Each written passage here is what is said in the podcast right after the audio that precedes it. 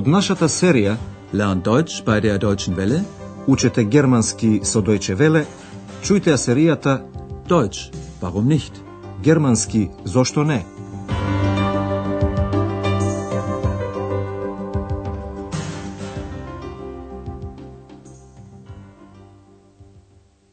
Liebe Hörerinnen und Hörer. Добар ден, почитувани слушателки и слушатели. Денеска наред е 25-тата лекција под наслов Дали можете да ми дадете уште пешкири? Können Sie mir noch Handtücher geben? Во последната лекција Андреас беше во клиника кај господин Тирман. Андреас му кажа зошто не му се јавил. Тој во почетокот рече дека имал малку време. Ich habe wenig Zeit gehabt. Потоа рече дека го посетиле и родителите. Обрнете внимание на партицип 2 на глаголот безухен. Die Arbeit, das Studium, dann haben mich meine Eltern besucht und Андреас исто така призна дека заборавил. ich habe es vergessen. А сега Андреас се наоѓа пак на своето работно место во Хотел Европа. Денеска ќе чуете три сцени од хотелот. А сега еве ја првата. Една жена го замолува Андреас за нешто. Können Sie mir ein Taxi bestellen? Ja, gern. Und für wann? Ja, sofort bitte. Äh, geht in Ordnung. Ich bestelle es Ihnen sofort. Секако дека разбравте за што станува збор. Една жена го моли Андреас и прашува дали овој може да ја нарача такси. Können Sie mir ein Taxi bestellen? Јасно дека ова за Андреас не представува проблем. Јас ќе ви нарачам веднаш. Ich bestelle es Ihnen sofort. Во наредната сцена еден друг гостин ја прашува шефицата на хотелот, господја Бергер, за пешкири, хантуха, што недостасуваат во неговата соба. Ваша задача е да откриете каде Хана треба да ги однесе пешкирите.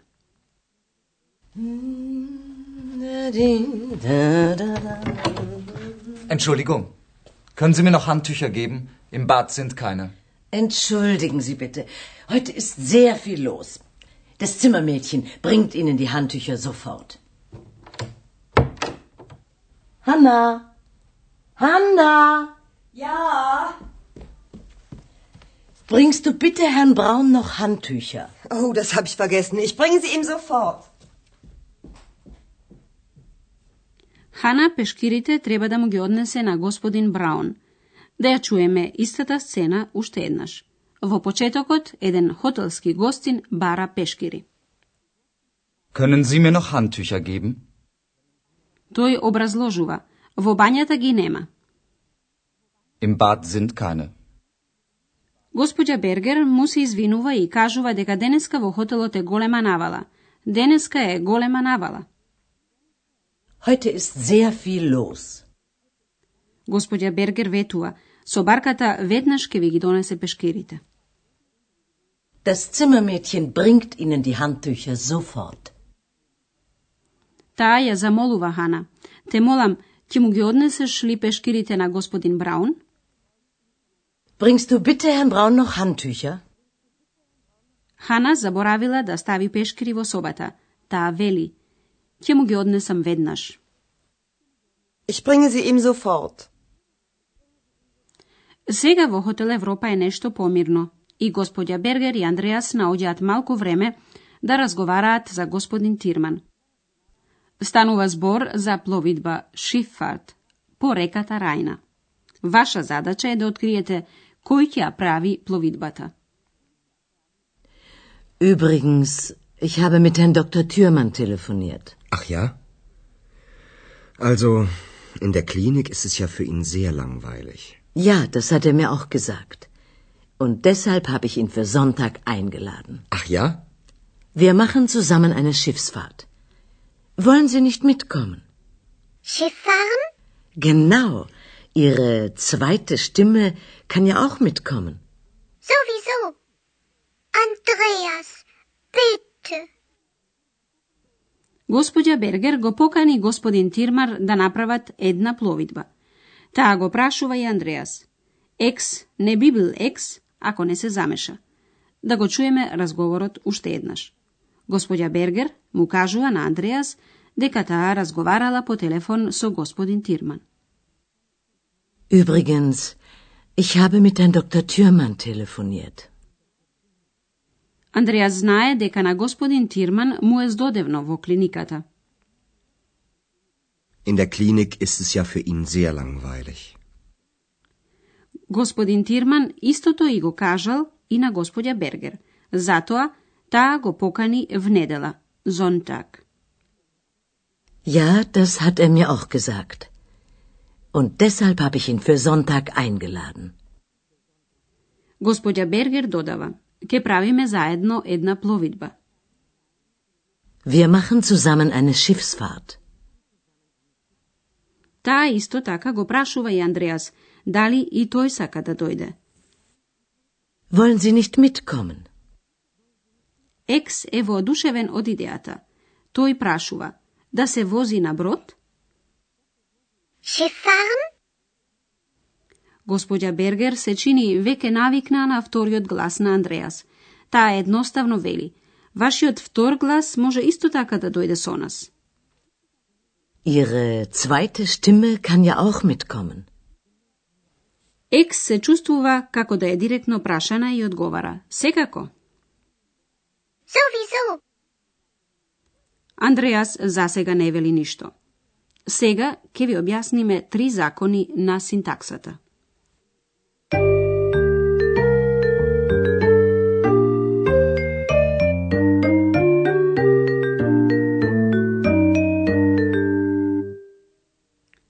Вториот закон е доколку еден глагол има додаток на акузатив и датив, тогаш дативната форма се наоѓа пред акузативната. Ова важи ако двата додатока се именки. Чујте пример со глаголот bringen, кој во германскиот има акузативно и дативно дополнување. Bringst du Herrn Braun noch Handtücher? Дативно дополнување е Herrn Braun, а акузативно се Handtücher. Чујте ја реченицата уште еднаш. Обрнете внимание. Датив па акузатив. Bringst du Herrn Braun noch Handtücher? Вториот закон е Ако едно од двете дополнувања е заменка, тогаш на прво место се наоѓа заменката.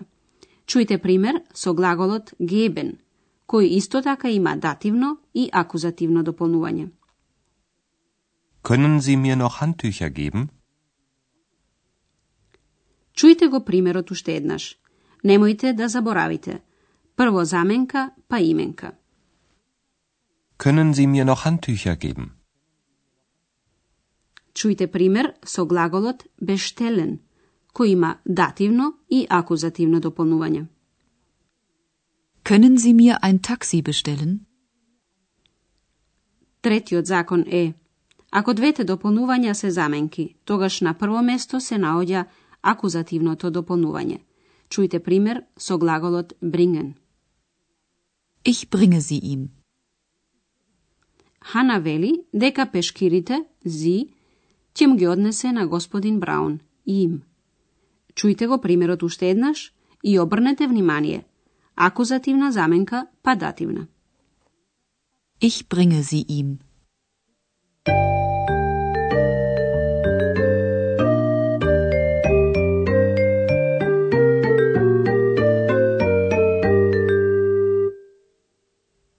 Да го чуеме на крајот целиот разговор.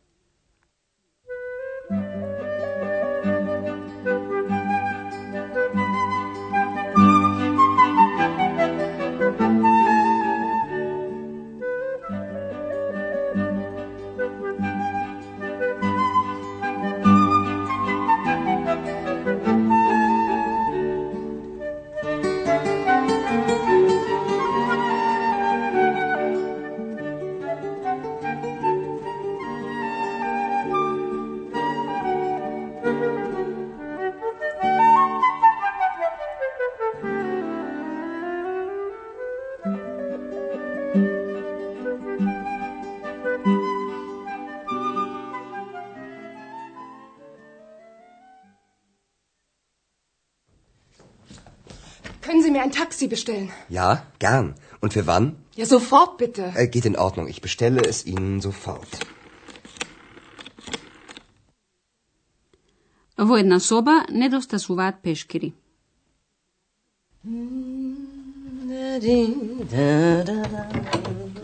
Entschuldigung. Können Sie mir noch Handtücher geben? Im Bad sind keine. Entschuldigen Sie bitte. Heute ist sehr viel los. Das Zimmermädchen bringt Ihnen die Handtücher sofort. Hanna! Hanna! Ja! Bringst du bitte Herrn Braun noch Handtücher? Oh, das habe ich vergessen. Ich bringe sie ihm sofort. Andreas i gospođa Berger zboruvat za gospodin Tirman. Übrigens, ich habe mit Herrn Dr. Thürmann telefoniert. Ach ja? Also, in der Klinik ist es ja für ihn sehr langweilig. Ja, das hat er mir auch gesagt. Und deshalb habe ich ihn für Sonntag eingeladen. Ach ja? Wir machen zusammen eine Schiffsfahrt. Wollen Sie nicht mitkommen? Schiff fahren? Genau. Ihre zweite Stimme kann ja auch mitkommen. Sowieso. Andreas, bitte. Толку за денеска, почитувани слушателки и слушатели. Наредниот пат ќе не слушнете како се јавуваме од еден брод. До тогаш, до слушање.